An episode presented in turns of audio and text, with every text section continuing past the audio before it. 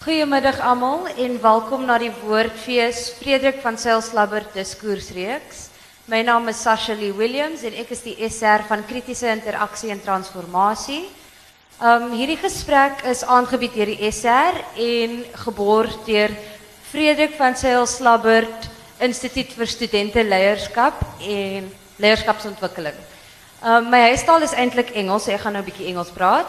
This discussion will be facilitated by Nadia Mare, who is a lecturer at the theology faculty, and she will introduce to you the theme and the panelists. And please do enjoy the discussion.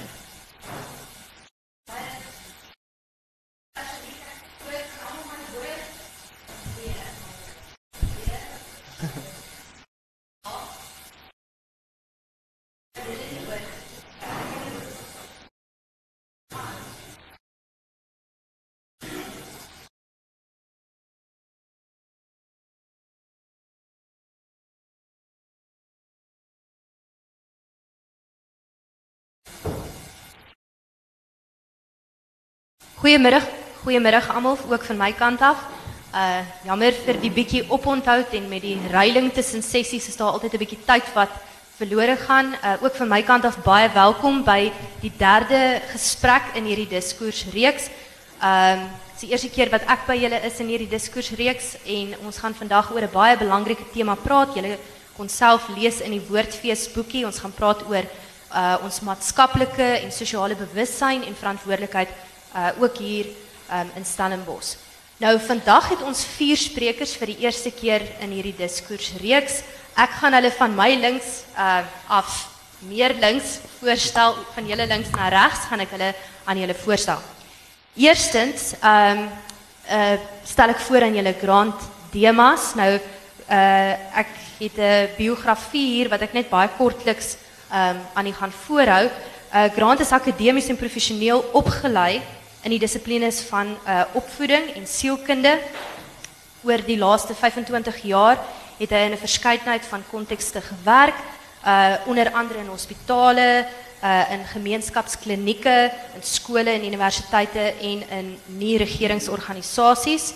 Um in hierdie bio of in die biografie staan daar dat 'n uh, uitgebreide ervaring of uh, ryk ervaring het in in die veld van toegepaste sielkunde um, as 'n uh, navorser, as 'n fasiliteerder en ook as 'n gemeenskapsinteraksie uh practitioner, uh, uh prakties praktisyn. Baie dankie. Dit is ehm um, so Grant moet ek dalk net ook noem, uh is besig met sy PhD in gemeenskaps uh sielkunde en hy is ook hier by die Universiteit van Stellenbosch betrokke by die nagraadse en internasionale kantoor. So baie welkom Grant by die sessie. Tweedens dan wil ek uh voorstel Sonja Cruz. Uh nou Sonja staan bekend uh, bietjie van 'n celebrity as ek reg verstaan uh die Ubuntu meisie of die Ubuntu girl. Sy het ook 'n boek gepubliseer met daardie uh titel wat gebaseer is op 'n ervaring, baie interessante ervaring wat sy gehad het oor 351 dae uh wat sy deur Suid-Afrika getoer het. Uh baie interessant en ek is seker ons gaan iets meer daarvan hoor. In 2009 uh het sy op 'n reis, 'n solo reis deur Suid-Afrika vertrek uh, te voet. Um en sy sê uh on and by thumb. Um en en met 'n 100 rand en met 'n backpack, nee Sonja. So uh ons sien ook uit om iets meer van jou ervaring um te hoor en en jou idees dan nou ook oor die tema wat vandag bespreek word. Ons derde spreker vandag is Marius Lou. Nou uh Marius is uh, teologie student. Hy is besig met sy MDiv.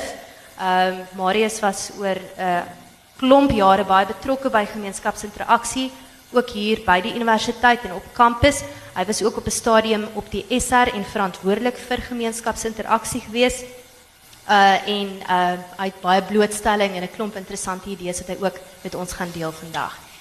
En dan laastens, heel aan julle regterkant, uh is Matthew Smorenberg. Nou Matthew wil nie ek moet te veel sê nie. Hy uh het gesê ek moet net sê dat hy 'n uh, voormalige uh, debatteerder is. Ek dink hy's 'n huidige debatteerder ook, maar uh, Matthew is ook betrokke by die universiteit onder andere by uh die Triple L huise, die luister leef en leer projek uh en by Huis Russell Botman, maar vandag as 'n uh, het sy kapasiteit as debatteerder as 'n duiwelsadvokaat optree. So uh julle sien elkeen van ons sprekers hier, ons is baie bly dat hulle hier is. Um en ek gaan begin deur net iets oor ons tema te sê, paar van die vrae wat reeds in die boekie is net ter inleiding. Um en elkeen van hulle gaan dan 'n geleentheid gegee word van 'n paar minute om om iets te sê. Daarna sal ons hopelik so 20, 30 minute hê uh om ook aan u geleentheid te gee om kommentaar en vrae by te dra gesprek. Goed so. Nou ons tema vandag, die titel, julle kan dit daar lees, bladsy 31, ek voel asof ek nou in 'n klas is. Bladsy 31 van die Woordfees boekie is gee gee gee genoeg. Nou daar die vraag is eintlik van selfsprekend dink ek.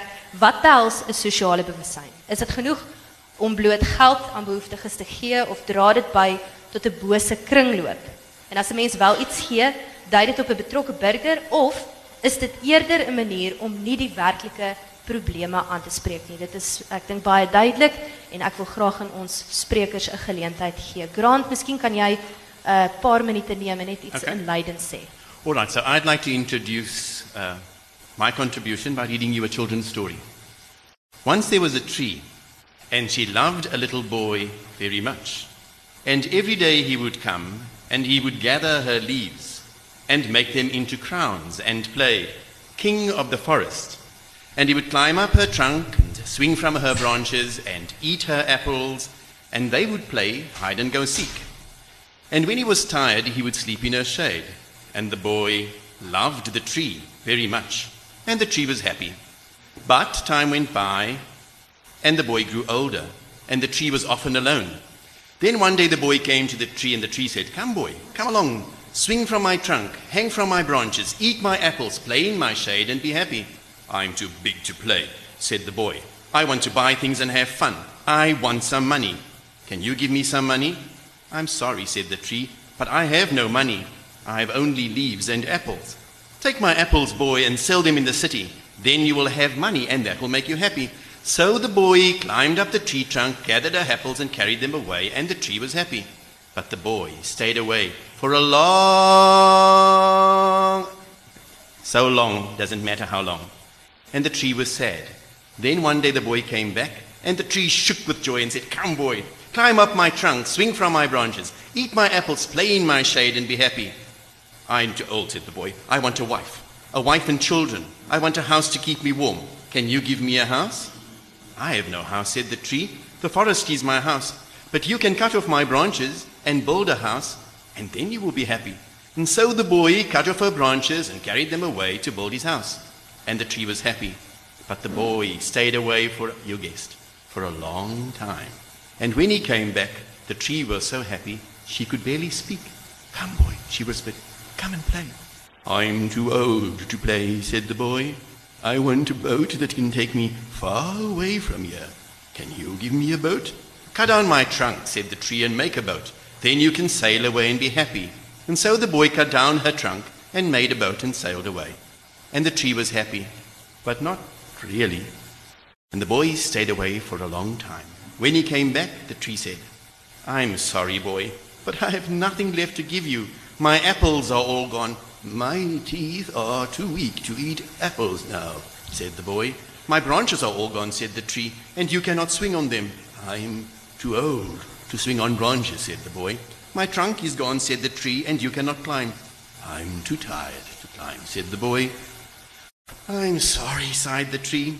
I wish I could give you something, but I have nothing left. I'm just an old stump.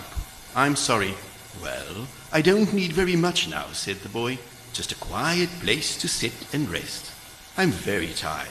Well, said the tree, straightening herself up as much as she could. Well, an old stump is good for sitting. Come, boy, sit down. Sit down and rest. And the boy did, and the tree was happy. And I'll use the story as a reference point throughout my deliberations. Thanks. Goed, baie dankie Grant. Ons gee nou geleentheid aan Sonja. Um, I'm also going to speak in English, um, but I'm going to just open with is gee, gee, gee genoeg. Um, and I think sometimes gee, gee, gee is, is te veel. Um, on the Ubuntu journey, 150 families took me into their homes. So it's quite a precarious position for me to take um, because if, if people weren't willing to give, then I wouldn't have um, traveled around South Africa for a year. I was not able to um, feed myself, I was not able to accommodate myself, and I literally just went off, off, off, and people took me into their homes. Um, but along the way in Montague, I met two boys, Ricardo and Enrico, and they were street kids. And I stayed with three different families in Montague, and I remember like every day I would go and try and find Ricardo and Enrico to go and, and share my lunch with them or to buy them something uh, to eat um, because the families were always generous with me. And on the one day I realized that I have nothing to give. And I asked them if I could have some of, of their sandwiches. And, and I could see that it was a little bit of a, a twist uh, for them. And they had to sort of think about this um, because nobody had ever told them that they actually had something to give. And by about the fourth day, I, I realized that I had, as the adult, I had done something really, really bad. I didn't notice Ricardo and Enrico. What I was engaging with with them was pity. I actually didn't connect with them, I connect, connected with my pity for them. And by the fourth day, when I realized that this was the case, and I just let go of all of that, and I wanted to know who is Ricardo and who is Enrico, and we got, you know, got chatting and, and we just started um, engaging on a human to human level, not street person and Ubuntu girl. We just connected on a human to human level. And by the fifth day, I went to go and find them to say goodbye to them. And I said to them, but I'm going to, I have nothing like left of you. So if I leave here, I, I feel, you know, I've just got a photo of you. And they asked me if they could have my, so I asked if they could just write their names in my little notebook. Sorry, and they took my notebook, and having learnt my story, they decided to draw me a picture of a house, and they drew me a picture of a car because I'm homeless and I'm carless. And they made me realize that we always have something to give. So Ricardo and Enrico travel with me through every day. When I get to someone on the street and somebody's saying, I want some food, I've got nothing to eat, I've got nothing to eat, I think of the picture of a house and a picture of a car, and I don't give money, I'll give a hug, or I'll say, well, why don't we sit and have a chat about, you know, what's happening in your life? And um, yeah, I think it's, it's our relationship with why we give that actually needs some analysis. Baie dankie Sonja, ons geleentheid aan Marius. Cool. Um, I just love what you said about uh, the, uh, the sort of uh, relational dimension about um, giving and about charity and about spending time with people and getting to know people. Um, so that's stole my first paragraph. Um, so I'll also start with a story. And um, I, I, got the story from uh, a theologian called uh, Peter Rollins. He's a very controversial guy. Um, and he talks about uh, Batman and the sort of the bad side of charity. And this has stayed with me for a long time because Batman is sort of a funny guy. He, um, in the daytime, he works with Wayland Industries and he goes to work like every other person. But at night time, he jumps in his rubber suit and he goes and fight crime. And this is sort of a very ironic story for me because he never thinks about the fact that companies and organizations such as Wayland Industries uh, contributes to the fact that um, there's poverty in the first time, in the first place. And uh, so this is quite interesting for me. And so for me, there's a, a symptom and a cause. And I think when we talk about charity or talk about development, uh, then we should just uh, consider that uh, both the symptom uh, and the cause. Baie dankie Marius. Ons het nou uh van ons eerste drie sprekers uh reeds iets gehoor van die belang van stories, van narratiewe, van verhale um, en dat dit vir hulle belangrik is ook in hulle eie reaksies op die tema wat ons of die vraag wat ons vandag bespreek rondom is gee genoeg. Um Matthew, wat is jou gedagtes hieroor? I think this conversation would be arguably quite different had it not been for, and my take on it would have been quite different had it not been for the news reports of the sort of quasi pass system that has just reared its head in Worcester.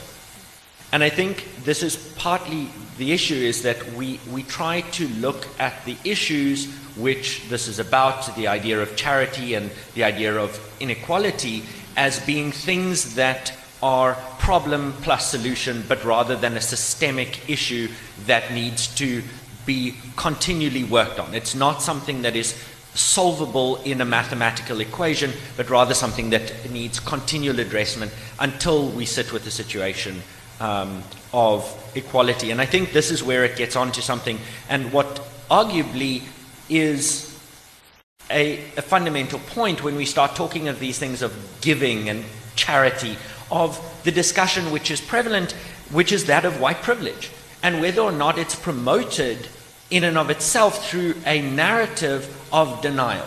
One where we say that equality, self determination, and freedom are something that are and is experienced and possessed by everyone in this country, which I think is very hard in reality to basically prove. And so then we ask, why do we give? And I think the one thing is this sort of feeling of goodness and sure that, you know, that benefit of, you know, I'm a nice person, well done me, um, should be critically looked at versus this obligation due to privilege. And when we do that, I find that the minute our giving is through or with a tone of patronizing or paternalism and allows for the continua- continuation of this standing in privilege, where we consider ourselves to be privileged and that by doing this we don't have to deal with what that is, it's unacceptable.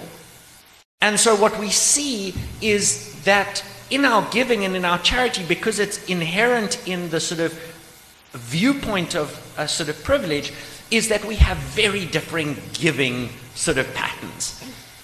When Yom Kippur goes up in fire, campus mobilizes, the community mobilizes, we hand out plasters and eye drops like it's going out of fashion. Everyone's taking a selfie at the fact that they have helping, you know, good for us.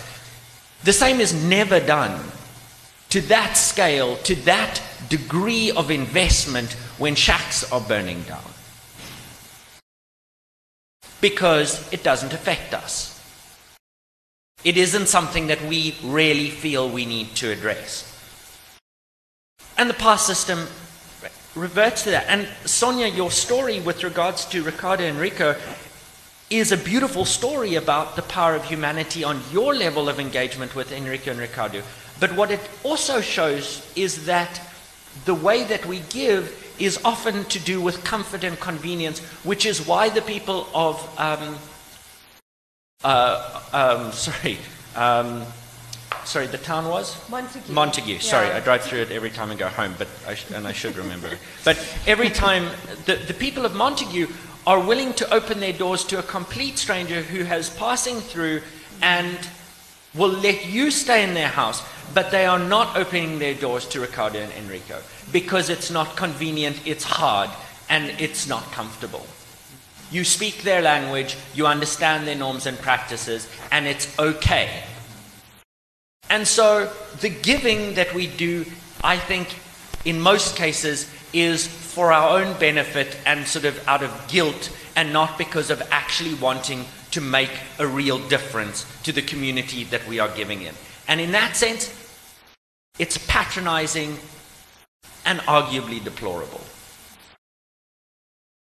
Dankie Matthew, ek dink dit is 'n baie belangrike punt uh wat jy op die tafel plaas vir ons om oor na te dink uh en ook van die ander ehm um, gaste hier dat ons met ander woorde ook dieper nadink as bloot die keuse wat aan ons gegee word uh binne die beskrywing van hierdie tema. Met ander woorde, moet 'n mens vir iemand geld gee op straat of nie geld gee? Dat daar met ander woorde groter en dieper kompleksiteite aan die werk is uh wat ook deel is van ons verantwoordelikheid om uh om oor na te dink en om voorverantwoordelikheid te neem. Marius, jy, hoe dink jy hieroor? Is daar ander elemente wat ons dalk uh is of moet raak sien? Um, I agree with Matthew uh, mostly. Um, I think it. This is what is so wonderful for me, and just completely sad at the same time about uh, what apartheid did in a certain sense because uh, I think we should ask ourselves the question um, what is a just society? And in this sense, I was very influenced by the philosopher um, Nicholas Wolterstorff. And because he asked this question, and he says, uh, our, our viewpoint from, say, Plato to, to a modern philosopher Rawls is that um, we sort of have this ideal, th- theoreticized, uh, just society that we, that we um, try and achieve. And the thing about that is, our responsibility in that is, is, is, a, is, is just that it's a responsibility, it is obligations. Um, but then he poses the question the danger of that is if you construct a system we have, we have communities that is literally split from one another, then you can still live out that responsibilities. Um, and if you don't do that, then, you're, then what you get is, is guilt, like you said, Matthew. Um, so my perspective shifted uh, from that, and, and I think we should start uh, thinking about a just society as somewhere where we start from the perspective of inherent uh, human worth. Uh, because if you then do not act upon responsibility or do, or do, not include people in your systems or your education system or whatever it might be, uh, then guilt is not the result, but injury is the result. You do harm to the person's inherent uh, worth. I think, uh, yeah, that, that's quite important for me to just emphasize. Um, but then obviously the question remains uh, how do we do that? Because it's, it's not as simple as just visiting people. There should be systemic steps taken towards um, development and, and, so forth. So, um, but maybe we can first hear by somebody else. But I think there's different levels uh, of development, different levels of, of charity. I think it starts with something like relief and welcare, and then small scale sort of development, but then also policy, policy changes and, and things like that. Uh, so that is. Goed, dankie Marius. Ek dink jy help ons om ook 'n bietjie te dink aan wat van die uh watter van die die groter of makro, jy weet oorsake en aspekte is wat ons uh moet oorweeg. Uh wanneer mense oor so 'n tema dink dat dit nie met ander woorde net verskraal word tot die oomblik waar iemand jou vra om geld nie, maar dat daar 'n dieper en 'n langer proses daar agter. Dit sê ek graag by Grant wil hoor hy het vir ons 'n storie gelees aan die begin en toe nog niks weer gesê nie oor hoe ehm um, hy wat sy mening sou wees in so 'n situasie, maar ook hoe hy dan die storie ingebed sien binne hierdie okay. tipe gesprek. I'll try to connect the dots. If you look at the story between the tree and the child, when you ask, usually when I read the story, people say, What a wonderful tree. I'm a little bit troubled by the tree's posture towards the child. I think the tree was, well, the, if I put the psychologist hat on, I think it was quite a pathological relationship. I think the tree needed to be needed. And so the tree done an enormous amount of good, but in the process done an enormous amount of harm. The story, when the story ends, it's an old boy, but he's still a boy. He doesn't even know where to, how to sit himself down. So for me, the purpose of engagement is transformation.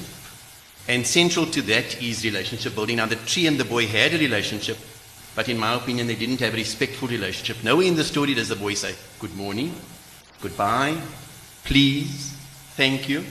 So we run the very real risk when we have a top down um, dyad of creating a sense of victimhood and entitlement. So I'll cut to the chase quickly and say what I think the solution is. If you, if you step back in response to what you, when you ended your deliberations, you said, How? I think you've got to start by building respectful, equitable relationships. And then the rest happens on top of that. It's not about giving of your substance, it's not about giving your stuff, it's about giving of yourself. I know people who are incredibly wealthy materially, but they're amongst the poorest people I know. And then I work every, almost every day of my life with children that have very little materially, and they're amongst the wealthiest people that I know. So, in a nutshell, I think the solution is building respectful relationships but relationships that are reciprocal. I think the Afrikaans word is wedersyds. And relationships that are sustainable. The tree gave all her apples and all her branches and all her leaves, and everybody says, What a good tree. But she could have taught the boy. If, she, if he cut open each of those apples, he would find a pip. Each of those pips were potentially a tree. Eventually, there would have been an orchard, so she could have taught the boy to plant trees, to water them, to harvest the apples. It would have created work for others. So I think it's just about sometimes in the process of doing good, we do a lot of harm. So all of us who are engaged in this field of interaction also need to reflect constantly on our platters. And I'll stop there for a while and, and give someone else an opportunity and then I'll, talk some more. Dankie ek uh ek dink ons hoor uh iets van die belang van verhoudinge en die tipe verhoudinge waarbinne ons um, ook is. Wederkerige verhoudinge was was waarna jy verwys het. Uh Marius het ook verwys na die belangrikheid van geregtigheid. Um en dat ons nadink oor die menswaardigheid van mense. Um Matthew het die punt gemaak dat die strukture en die stelsels waarbinne ons ook in Suid-Afrika, ook post-apartheid Suid-Afrika mee sit en en weer mee worstel uh belangrik is en en uiteraard uh dat die ervarings wat ons het met mense en die tipe ervarings wat jy ook gehad het uh tydens jou jaar in in 2009 ook op 'n manier inspeel op die soort uh etiese of morele keuses wat ons wat ons moet neem. Maar ek wil julle 'n bietjie druk. en uh op spesifiek dan nou ook weer hierdie tema want ek dink daar daar gaan mense wees wat miskien verskil, maar ek dink daar's baie mense wat gaan saamstem met alles wat julle sê. Nou, my my vraag aan julle is, ehm uh, as ek nou 'n baie praktiese voorbeeld kan gebruik, daar's 'n vrou hier op Stellenbosch, alle uh studente ken haar baie goed, haar naam is Moxie. Sy het 'n fanpage op Facebook ook. Ehm um, nou daaroor kan 'n mens ook praat of dit noodwendig uh waardigheid uh toeken, maar uh, in elk geval sy het 'n fanpage almal ken vir Moxie. En as Moxie na iemand toe stap, na jou toe stap, wat is van die opsies wat 'n mens het in terme van jou reaksie? Wat wat is van die opsies waaraan ek uh of ons dalk nie noodwendig dink nie, wat 'n mens in daardie oomblik het? Nie om te sê hierdie is nie belangrik nie, dit is uiteraard belangrik, maar in hierdie oomblik waar iemand jou om geld of kos of klere vra, wat is van die opsies wat ons kan uitoefen buiten die obvious uh, voor die hand liggende keuse van geld gee of net nee sê en aanstap. Is daar ander alternatiewe waarna ons kan dink wat ons dalk uh, op 'n manier liewer moet uitoefen? Wat dink julle? Maggie wil graag sê. Yeah, um, Nadia, I think before this becomes, and, and I like your question, but don't misunderstand me when I say when I talk about white privilege. I don't see that as being something that is purely a construct of a post-apartheid society. Um, it is a construct that is a result of setting white Westerners um, in brackets as the norm for society. The minute you determine that as the norm, white privilege becomes the setup. But in terms of your, your question, the issue comes down to how do we engage and what is our thought process around that question of Muxi when she comes and approaches you. And in many cases, our way of dealing it with is the same we deal with so many other things. I hate doing laundry, so I pay somebody else to make it their problem. and that's the thing, is Muxi's reaction has developed to the point where she makes a huge amount of scene. And as a generic stereotype, South Africans try to avoid a scene at all costs. Jy weet, hou dit stil, moenie oor gebed, jy weet geloof en politiek om die kombuistafel praat met gaste nie, jy weet, jy wil nou nie 'n scene maak nie. Um and so what we do is our thought is how do we minimize it? We try and avoid her across the road. We try and maybe give her money if we think it'll go away, or we try and say no in a way that will shut the situation down. At any cost, we try and avoid engaging in what the narrative actually is. Because that requires commitment and it requires emotional energy and it requires actually thinking about something which is uncomfortable for us to think about. And that gets on to um, what Grant was talking about when he's talking about the building of these relationships, and he talks about the building of reciprocal, sustainable, respectful relationship. You know, she could have taught him to go and plant an orchard and think, and that's exactly how we go into most community interaction. Look at us from a position of privilege. We will teach these poor, helpless, you know, starving, sort of disrespectful little boys how to plant trees and, you know, and that's the whole point is actually if we care about how we want to help and make a difference, it starts out by acknowledging the fact that we have certain privilege, but there is a huge amount of stuff that we are lacking and it goes in and it's not it is us who must do this it is us who must you know that's that's a brilliantly colonialistic view on how to do it. It's the narrative shouldn't be in that format. And it's why I have to actually reject Grant's sort of stance of sort of we need to we need to go in that in that direction.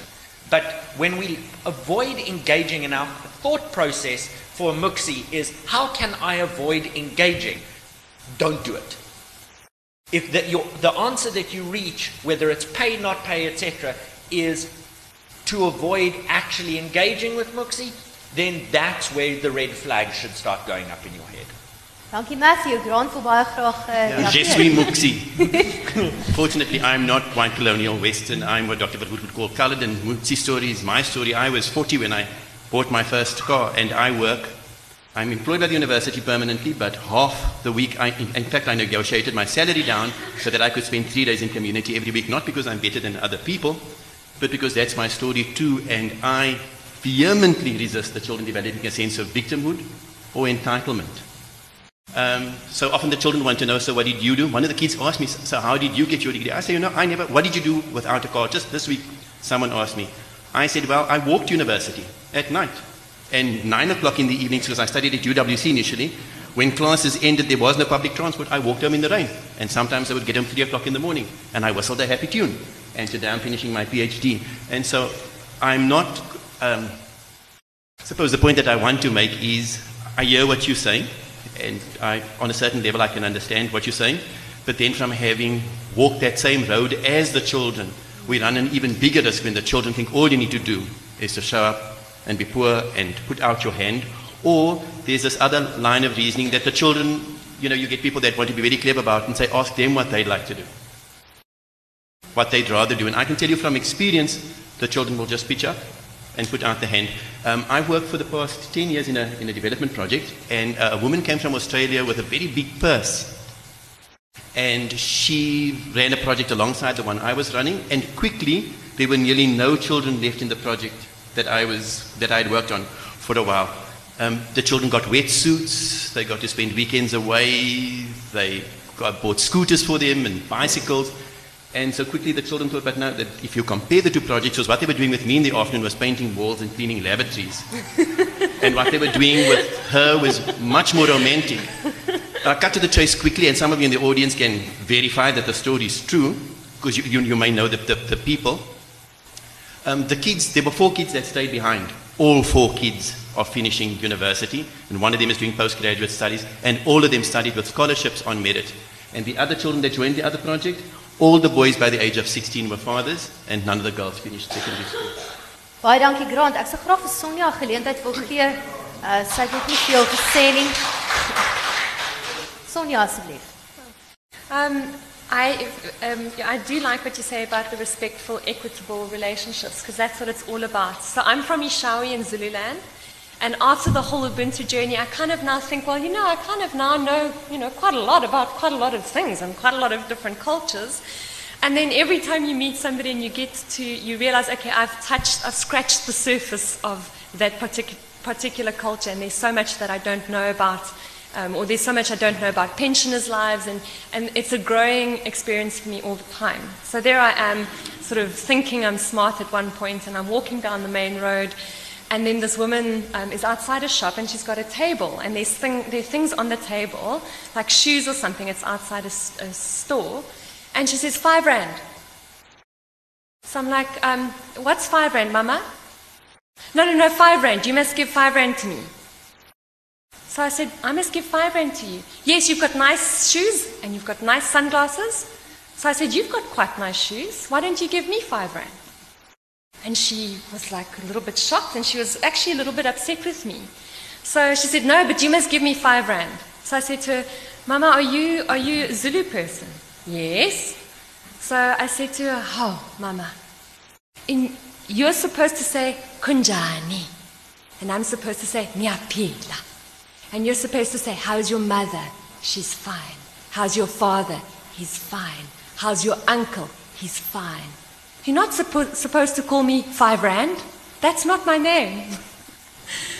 and I think she was so embarrassed. And I think that knowledge about where somebody uh, would like to come from and understanding where their roots are and, and what actually matters to them when they go home.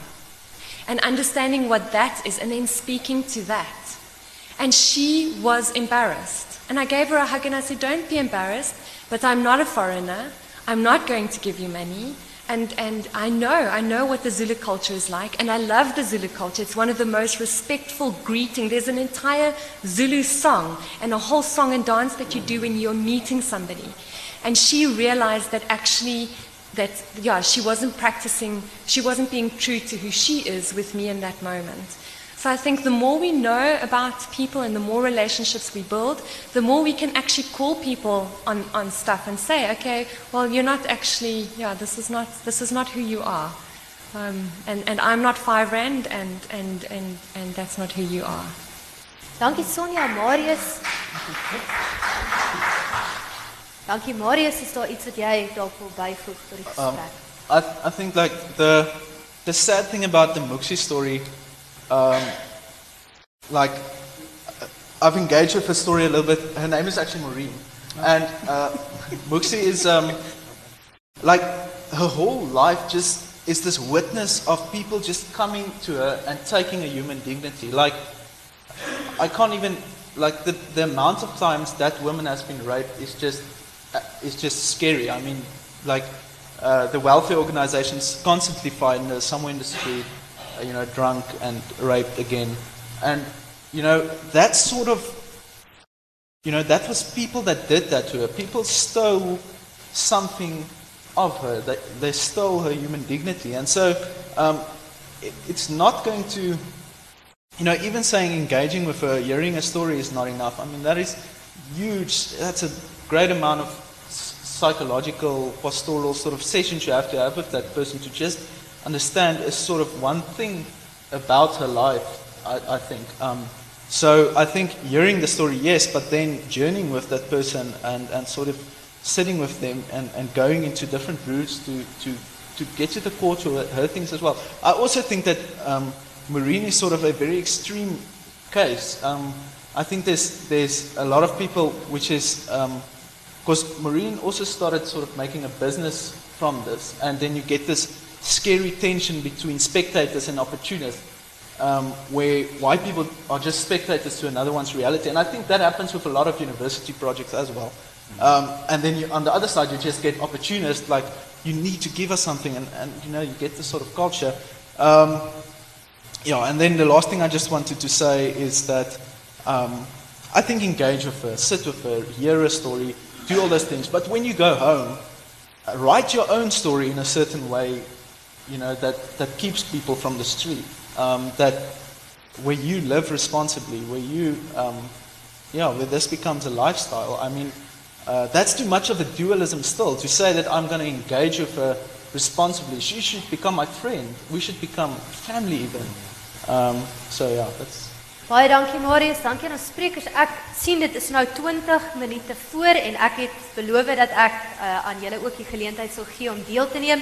So aan die gehoor is daar enige kommentaar, nie te lank nie, um, maar kort opmerkings of vrae is aan die sprekers of aan mekaar, is julle nou baie welkom om deel te neem aan die gesprek. Enige iemand. Julle is welkom om uiteraard in Engels ook te praat. Ons probeer mekaar ook uh, akkommodeer op 'n manier.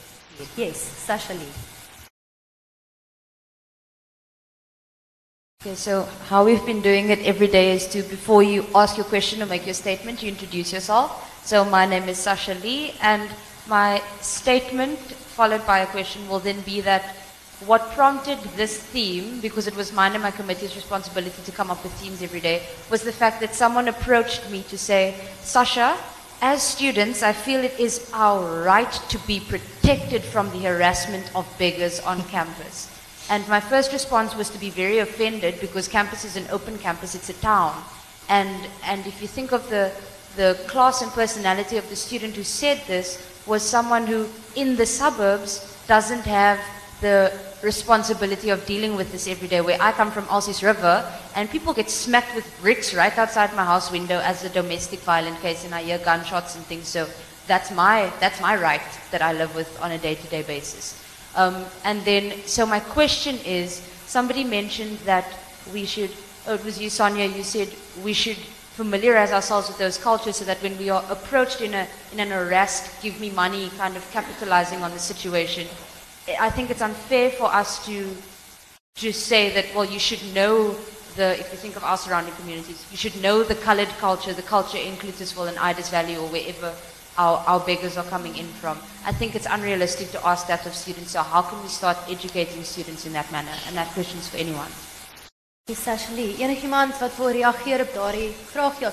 I don't want to respond to the question. I just want to throw a span in the works and say what's even more unfortunate is that we have this notion of colored culture. There is no homogenous colored culture.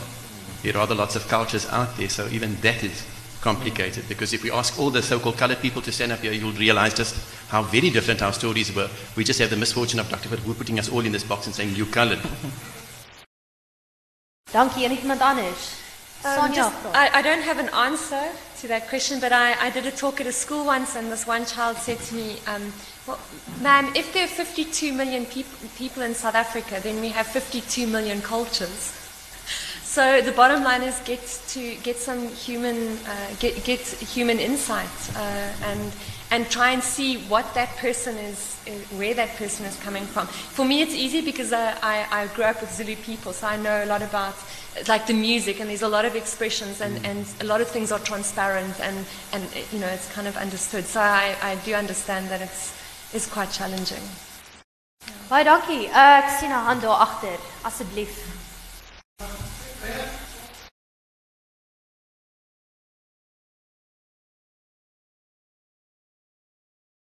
Punt maar bottom line is ons gaan nooit aan die was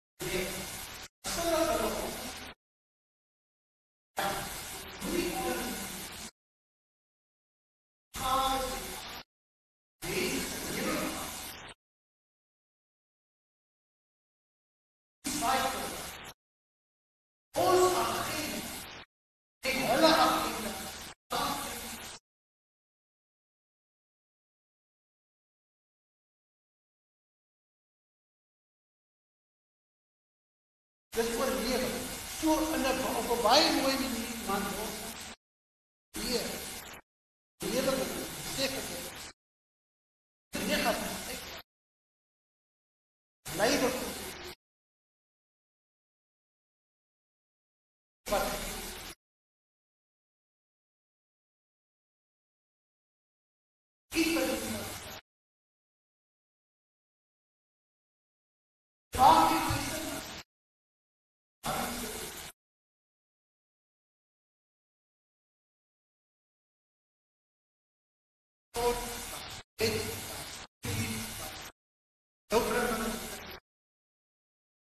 En ons voel so goed.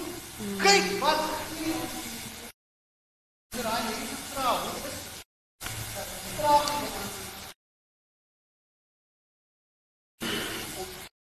glimlag. Hoe was dit vir daai kind? Hoe was dit vir daai? Maar ek het gegaan oor 'n 8 maande tydperk op die filosofie op gebly saam met die wat ek kon nie verstaan as hierdie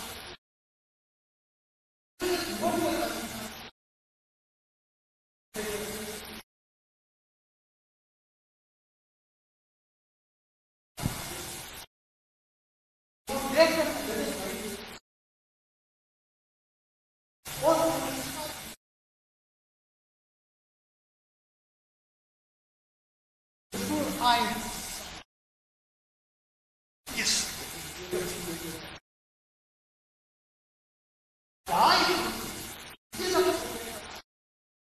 is is nie 'n gemeenskap, is saam met twee pelle.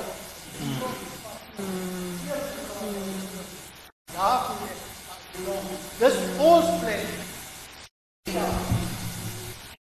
They built the psychological Ja.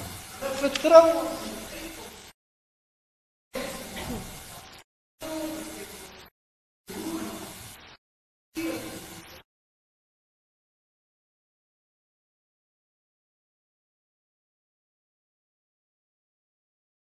Baie dankie. Enige ander? Ek sien hier 'n hand, ek sien haar agterhand. Ek sal graag 2 nommer 3 3 hande 'n kans wil gee voordat ons weer die sprekers vra om te reageer. Asseblief.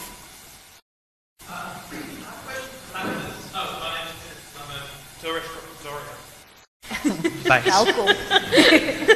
Thank you. I, I've heard people talk about mutual understanding, mutual respect, but those take time to cultivate. What resonates immediately with the typical hedonist, my experience in Pretoria, where I have no interest in cultivating a relationship with my neighbors, never mind the person on the street. What resonates immediately is mutual benefit. To what extent do the panelists believe that mutual benefit, if not poverty eradication, then at least poverty alleviation to a point? To what they believe that a mutually beneficial relationship uh, is the key to poverty alleviation? Thank you. Baie dankie. Die persoon daar agter, ja. Dankie. Uh, Matthijs de Kok. Ek is gebore in Rhodesia, Zimbabwe, maar ek is 'n lid van die ANC van geboorte, Afrikaans was wel Christen.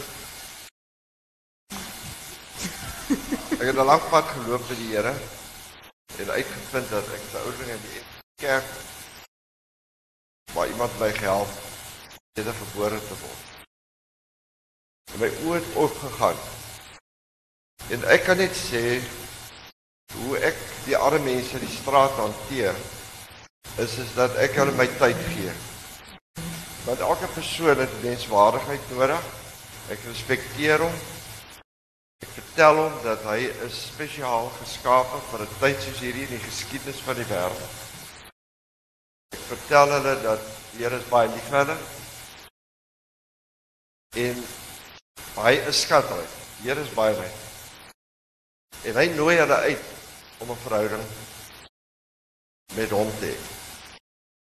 En wat ek ontdek het is net soos wat ons al hier gehoor het, jy kan mense iets gee. But the most important thing they need is dignity. And the only way they get dignity is they must understand that work and worship is from the same root word.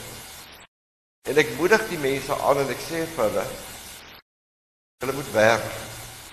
Wat se werk geniet jy om te doen en wat kan wat se werk kan ek jou gee? Per uur. Ek het al die kerke aangemoedig en gemobiliseer om nie kos te gee vir die armes wat kan werk. Want die Here sê ons moet dit nie gee nie. Hoekom? Want die honger dryf hom om te werk en sy dignity terug te En ek stel voor as 'n oplossing dat hier op Stellenbosch daar 'n voucherstelsel is. Ek betaal vir die vouchers. En wanneer so iemand vir my kom vra vir geld of hulp, dat ek hom 'n voucher gee en sê, "Hier is die voucher. Bel aan by hierdie plek, daar sal werk vir jou wees." Saam met 'n voorman, 20 of wat ook al, 15 of 20 van julle en julle gaan iets doen, skoonmaak, strate, werk, enigiets doen. Vir elke uur gaan julle soveel rand se kos kry. Goed, baie dankie. En ek Ehm, dink dit is die manier om dit te hanteer. Dankie. Ons hoor 'n paar konkrete voorstelle ook die uh, moeilike onderwerp oor wat die, die kerk se rol is dan nou ook binne hierdie sake. Uh, hier is 'n persoon hier voor wie 'n hand opgehaal het en ek het nog twee mense se hande daar agter gesien. Na dit gaan ons die uh, paneel 'n geleentheid gee om vir ons uh, uh, te reageer en, en ook genoeg tyd vir hulle los om om iets konkreets te sê asseblief. Die Burner van der Merwe, tog, dankie. Die Burner van der Merwe en ek wil net sê ongelukkig ehm uh, nou Matthew. Matthew Ek vloer verwys na Woester en die en die en die passe, maar ons nou nie verder daarop gekom wat nou eintlik die storie daar agter was nie. Maar ek wil net sê in elke dorpie, soos Woester, soos Stellenbosch en al die ander dorpe, weet ons 'n geweldige groot probleem is die straatkinders. En ek stem saam, gee gee gee is nie genoeg nie, maar almal voel hulle wil self maak in die wêreld. En die grootste ding is om hulle te bemagtig. Ek het 'n vriendin wat in in Zwelintemba, dit is die Swartboon weet in Woester. Sy het die straatkindertjies almal ge, ge, bymekaar gemaak wat sy daar kon kry. En sy het 'n skooltjie begin en sy leer daai kinders die wonderlikste goed. Jy kan nie glo hoe die kinders verander het nie omdat hulle hulle bemagtig.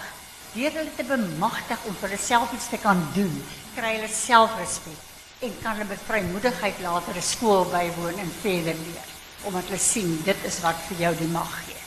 Baie dankie. Dankie. Dankie. Nog twee kort asseblief opmerkings uh, vir die twee persone daar agter.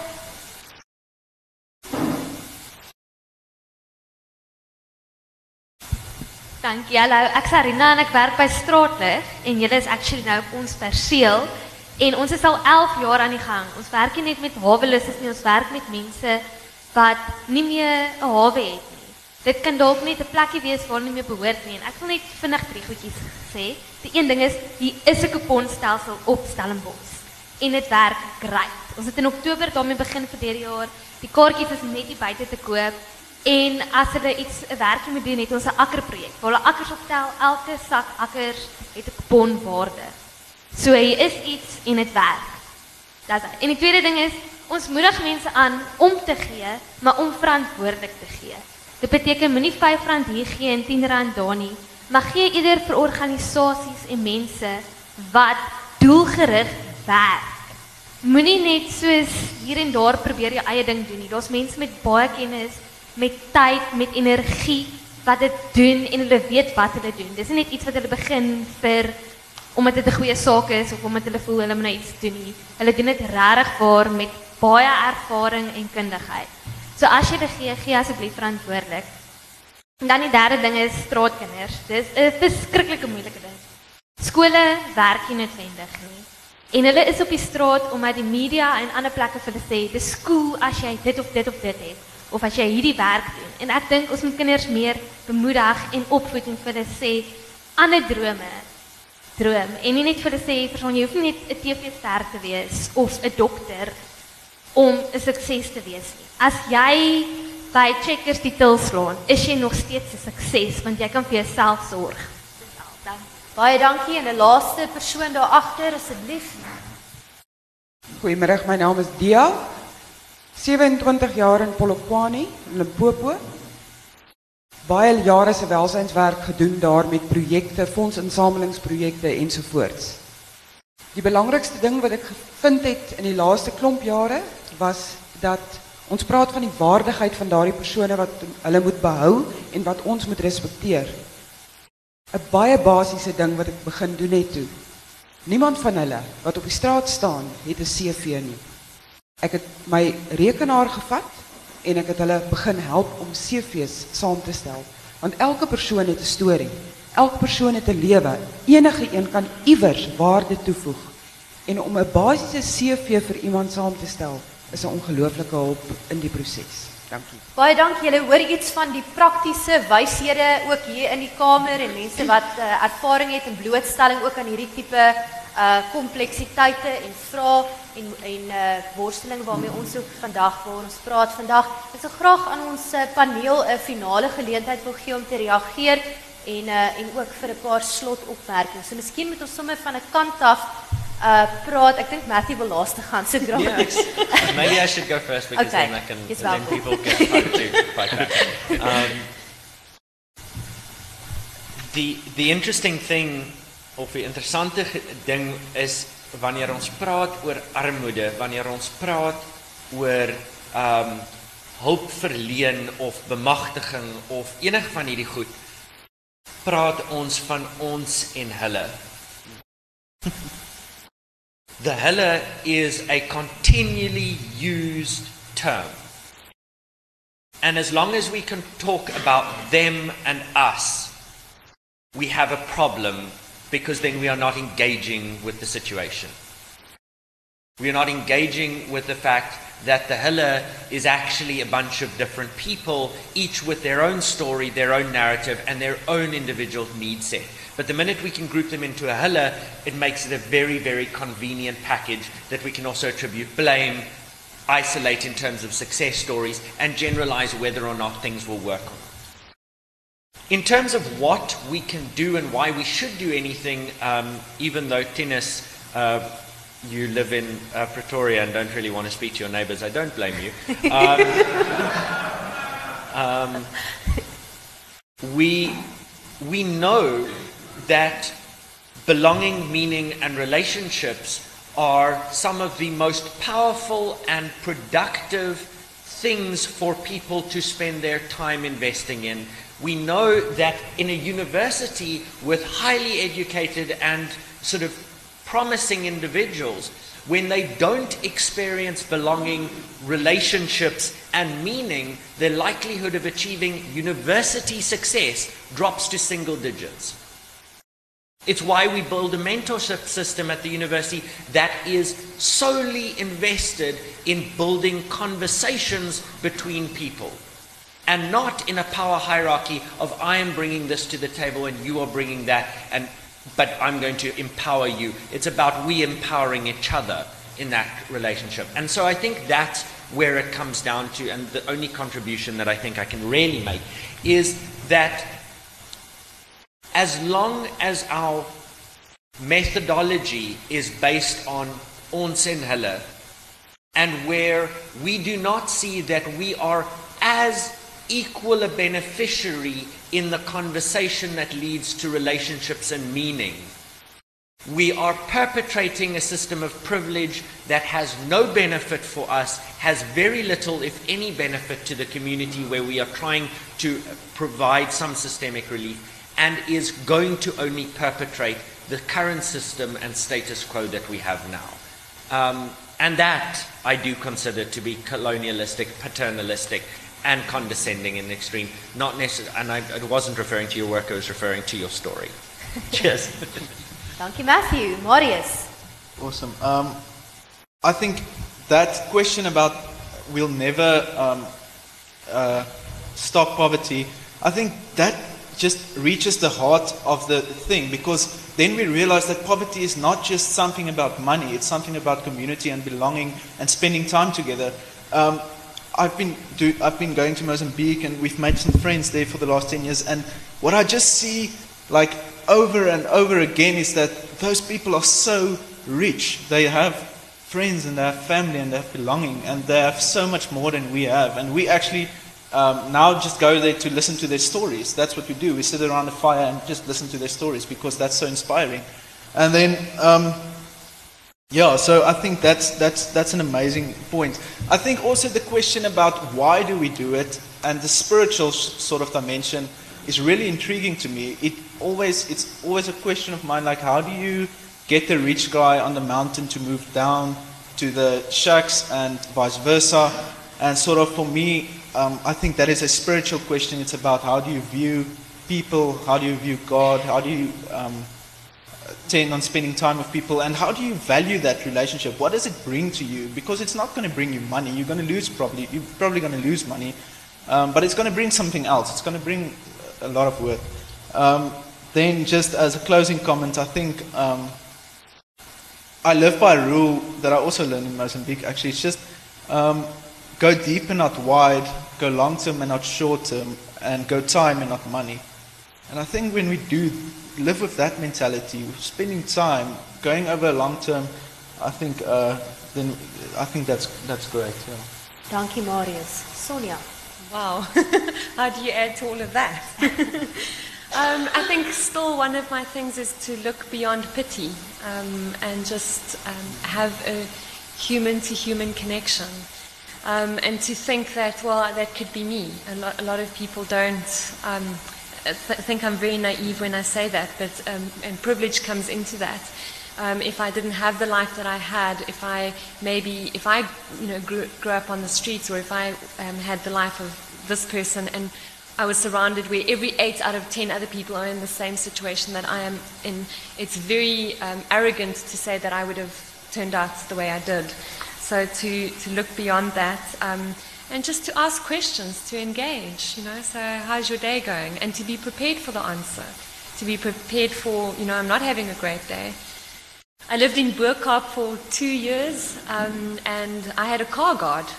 I didn't have a car, um, but uh, Layla, Layla guarded, guarded me, and we would, we would sit together, and I'd have a really crappy day, and I have to go up Upper Leuven, and it's a long way up, and I'm exhausted, and I'd sit at the bottom, and, and sometimes, you know, uh, Layla would send her son to go and buy a beer, not that I'm promoting drinking. And she would find a plastic bottle and she'd cut it and she'd pour it for me, and we'd sit there, and we were two women talking about the things of our lives. And she never ever asked me for anything. And she knew that if I had, I would give. And she knew that I would come there to her and I can be broken and she could just hold me. And we could just be human together. We could just be flawed together. We could engage with one another and we could connect on, yeah, on a deeper level. Sonja Grant. The other panelists covered so much of what I wanted to say, but just maybe four comments. I'm so incredibly encouraged that we can sit like this as South Africans and engage around things that are difficult and complex. There are no easy solutions. Um, so that's the first point I want to make. And then when I started my, when, or when I completed my clinical training as a psychologist, I was reading the Sunday Times literally the week after I had graduated, and I saw that there was terrible violence at a, at a school in an area called Mitchell's Plain, and that they couldn't find a teacher to work with the matriculant, so I, I applied for the job.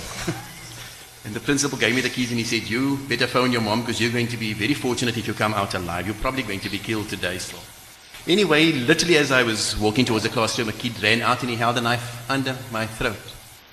And uh, was shaking in my boots, but I, I, I put my hand out, I took his hand, I said, Hello, boy. And he responded, he said, Yes, as meneer, is dit hoe voel om apartheid? Anyway, he's uh, completed his LLB. Um, and then there, there are two, two other things I want to, uh, comments that I just want to make. Uh, that I, initially I also thought of poverty as the absence of material wealth. And now I realize that the world is full of poverties. And so sometimes, oftentimes we can't give money or we don't have money to give. And in the project that I work, I've never given money. I'll share my lunch. I'm happy to break my sandwich in two, but I've never given money. I've, so this is just my truth. I'm not saying that you need to do the same. But I think the most precious and valuable form of giving is giving yourself. The, the principle of human dignity that people are more important than processes and projects. People first. Um, I was asked by, by someone from MKD, uh, you know, what we could do as a community project. And I said, I'm so troubled by the fact that our students go out year after year on Mandela Day and they make soup, but the Maties don't know each other. So I a cup of coffee, and then maybe we first get to know each other before we try to fix the, the broader student. And the last thing um, my own philosophy on community is don't do anything for people, always do everything with them. Baie dankie Grant. Dit dan van ons sprekers, uh Grant Dema, Sonja Cruz, Marius Lou, Matthew Smarenburg. Baie dankie aan julle wat hier was. Terwyl ek julle nog het, onthou asseblief van die res van die gesprekke in hierdie diskoersreeks. Môre middag weer hier om 5uur gaan ons praat oor wat is proper Afrikaans. So ons sien julle môre middag weer hier. Dankie dat julle hier was.